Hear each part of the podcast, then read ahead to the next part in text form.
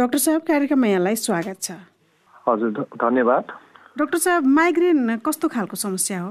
Migraine अब यस्तो समस्या हो अब यो संसारभरि यति कमन छ होइन तपाईँको अब यसमा चाहिँ अब यसको धेरै कारणहरू छ अब टाउको दुख्नेमा अब यसको अब अब अब एक्ज्याक्टली अब यसको प्याथोफिजियोलोजी चाहिँ अब डिटेलमा भन्दाखेरि चाहिँ अब तपाईँको ब्रेनमा अब तपाईँको नसाहरू अब हुन्छ अब जस्तै अब धेरै नसाहरू हुन्छ र र यस्तो रोगमा चाहिँ तपाईँको अब कुनै स्टिमुलस अब भनौँ कुनै बाहिरी स्टिमुलसले तपाईँको कुनै नसाहरूमा जस्तै यसमा चाहिँ के हुन्छ रगतको नसामा चाहिँ जुन नसाले सप्लाई गरे हुन्छ न्यु नर्भहरूले न्युरोनहरूले अनि त्यो चाहिँ हाइपर एक्टिभेट हुन्छ यसमा चाहिँ जसले गर्दाखेरि चाहिँ रगतको नसाहरू चाहिँ फुल्न जान्छ यस- यस्तो रोगमा चाहिँ।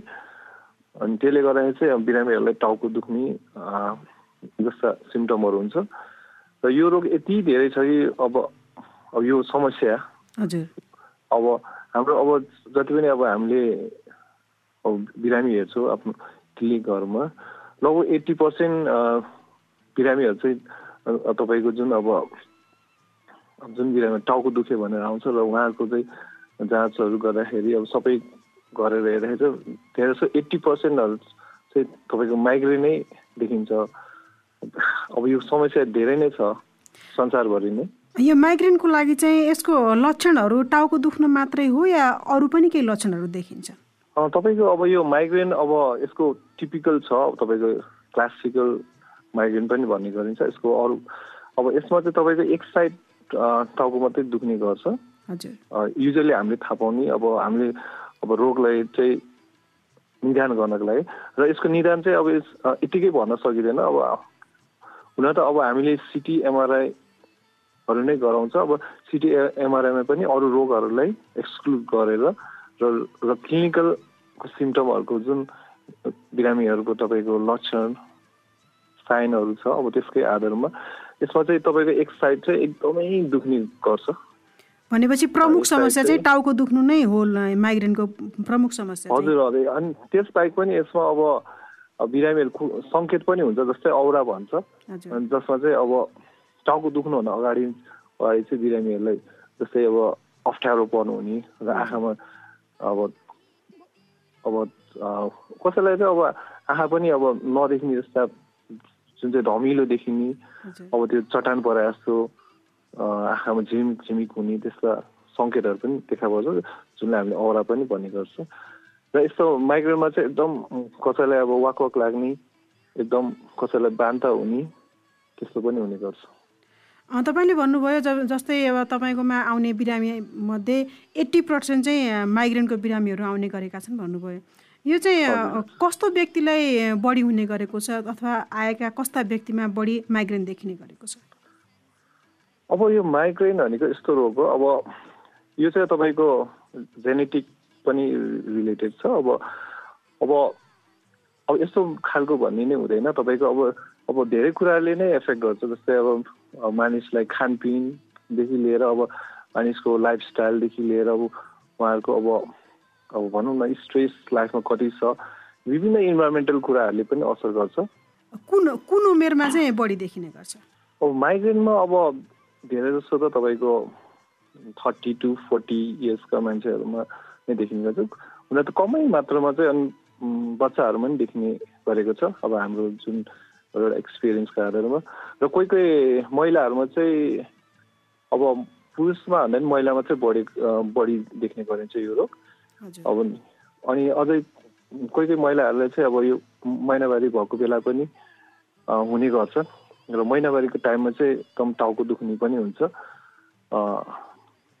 त्यस्तो पनि छ। पुरुषमा भन्दा महिलाहरूमा चाहिँ बढी देखिने गरेको छ। हजुर हजुर। यो माइग्रेनले चाहिँ पछि गएर कस्ता कस्ता जटिलताहरू निम्त्याउने गर्दछ? अब यस्तो जटिलता भन्ने छैन। अब किनकि अब यसमा चाहिँ अब हुन त माइग्रेनमा चाहिँ एकदमै टाउको दुख्ने गर्छ। किनकि एकदम अब जिन्दगीमा एकदम वर्स्ट पनि वर्स्ट हेडेक हुन्छ। अब थ्रबिङ टाइप पेन हुन्छ यसमा चाहिँ। जसले गर्दाखेरि बिरामीलाई एकदमै गाह्रो हुन्छ। कसै कसैले त आफ्नो दैनिक काम पनि गर्न सक्दैन। तर यसले त्यस्तो साह्रै अप्ठ्यारो त्यस्तो चाहिँ गरेको देखिँदैन। यो माइग्रेन र डिप्रेसनको सम्बन्ध उस्तो उस्तै छ या यो माइग्रेन र डिप्रेसन फरक फरक हो? त्यस्तो चाहिँ त्यस्तो सम्बन्ध छैन। किनकि माइग्रेनमा खालि दुखाइ मात्रै हुने हो।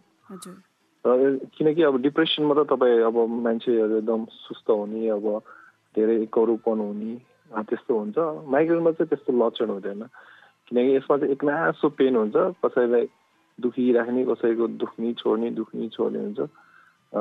एकदम एक्युट एकदम सिभियर हुन्छ हेडेक अब डिप्रेसनमा त्यसको लक्षण चाहिँ एकदम कमै हुन्छ। डिप्रेसनमा टाउको दुखे पनि एकदम मन्द किसिमको दुख्ने गर्दछ। माइग्रेनमा चाहिँ कडा खालको दुखाइ हुन्छ। कडा खाल माइग्रेनमा त एकदम कडा खालको हुन्छ। यो यसको समस्याबारे मानिसहरू कतिको सचेत छन्? यो माइग्रेन भएपछि यस्तो समस्याहरू निम्तिन्छ हामीले उपचार गर्नुपर्छ भन्ने विषयमा कतिको सचेत छन् त मान्छेहरू?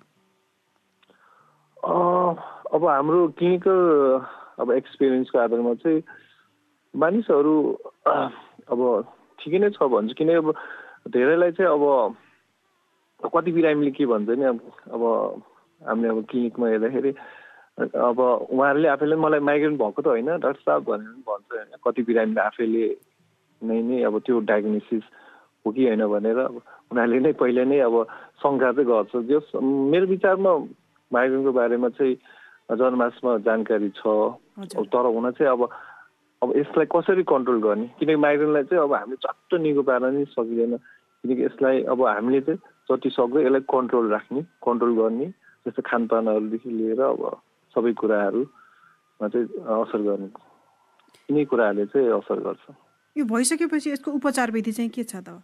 अब यसको उपचार भनेको अब हुन त अब यस यसमा अब मेडिकल म्यानेजमेन्टदेखि लिएर अब खानेकुराहरू सबै पर्छ। अब जस्तै मेडिकल म्यानेजमेन्टमा तपाईँको अब हेरी हेरी छ। अब हामीले यसलाई कन्ट्रोल गर्ने मेडिसिनहरू पनि हुन्छ। अब यसलाई अब एक्युट एकदम अब इमर्जेन्सी परेको बेला चाहिँ एकदम दुखेको बेला चाहिँ यसलाई खाने एन्टिबायो मतलब मेडिसिनहरू पनि छन्। जस्तै अब जस्तै अब मार्केटमा अब रिजा ट्रिप्टन सुमी ट्रिप्टन भन्ने मेडिसिनहरू पाइन्छ। यो संसारभरि नै माइग्रेनको लागि प्रयोग गरिने चिज हो। र अरू भनेको अरू पनि छन्। अब माइग्रेनलाई कन्ट्रोलमा राख्ने मेडिसिनहरू र अरू खानपिनमा चाहिँ एकदमै अब हामीले फर्मेटेड फुडहरूलाई चाहिँ एकदमै ख्याल गर्नुपर्छ जस्तै अब आर्टिफिसियल कुराहरू भयो जङ्क फुडहरू भयो। अब फर्मेन्टेडमा त तपाईँको दुधबाट बनेको चिजहरू जस्तै तामा अब पनिर चिज अनि यस्तो गुन्द्रुकहरू भयो जस्तै अब किनकि यो चाहिँ तपाईँको फर्मेन्टहरू यसमा एकदम ढुसीहरू लाग्ने हुन्छ। जसले गर्दा चाहिँ यसले चाहिँ ब्रे ब्रेनको त्यो नसाहरूलाई चाहिँ एकदम रगतको नसालाई चाहिँ सेन्सिटाइज गर्छ। अनि त्यसले गर्दाखेरि चाहिँ एकदमै रिस्क हुन्छ यो माइग्रेन हुने बिरामीहरूलाई चाहिँ। दुधबाट बनेको परिकारहरूबाट रिस्क हुन्छ। हजुर हजुर दुधबाट बनेका। किनकि त्यो त अब सबै फर्मेन्टेड फुड भयो नि त। हजुर। त्यसले गर्दाखेरि चाहिँ एकदमै जोखिम कुराहरू यिनीहरू चाहिँ। भनेपछि खानपान र खानपानमा ध्यान दियो भने केही हदसम्म बस्न सकिन्छ। हजुर हजुर। डाक्टर साहब अन्तमा यहाँको सुझाव के छ?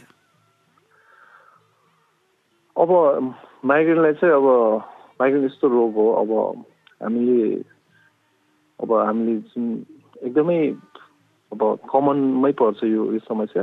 यसमा चाहिँ अब हामीले एकदम बिरामीहरूले चाहिँ एकदम सतर्क रहनुपर्छ जस्तो खानेकुरादेखि लिएर अनि अरू विभिन्न स्ट्रेसका कुराहरू भयो।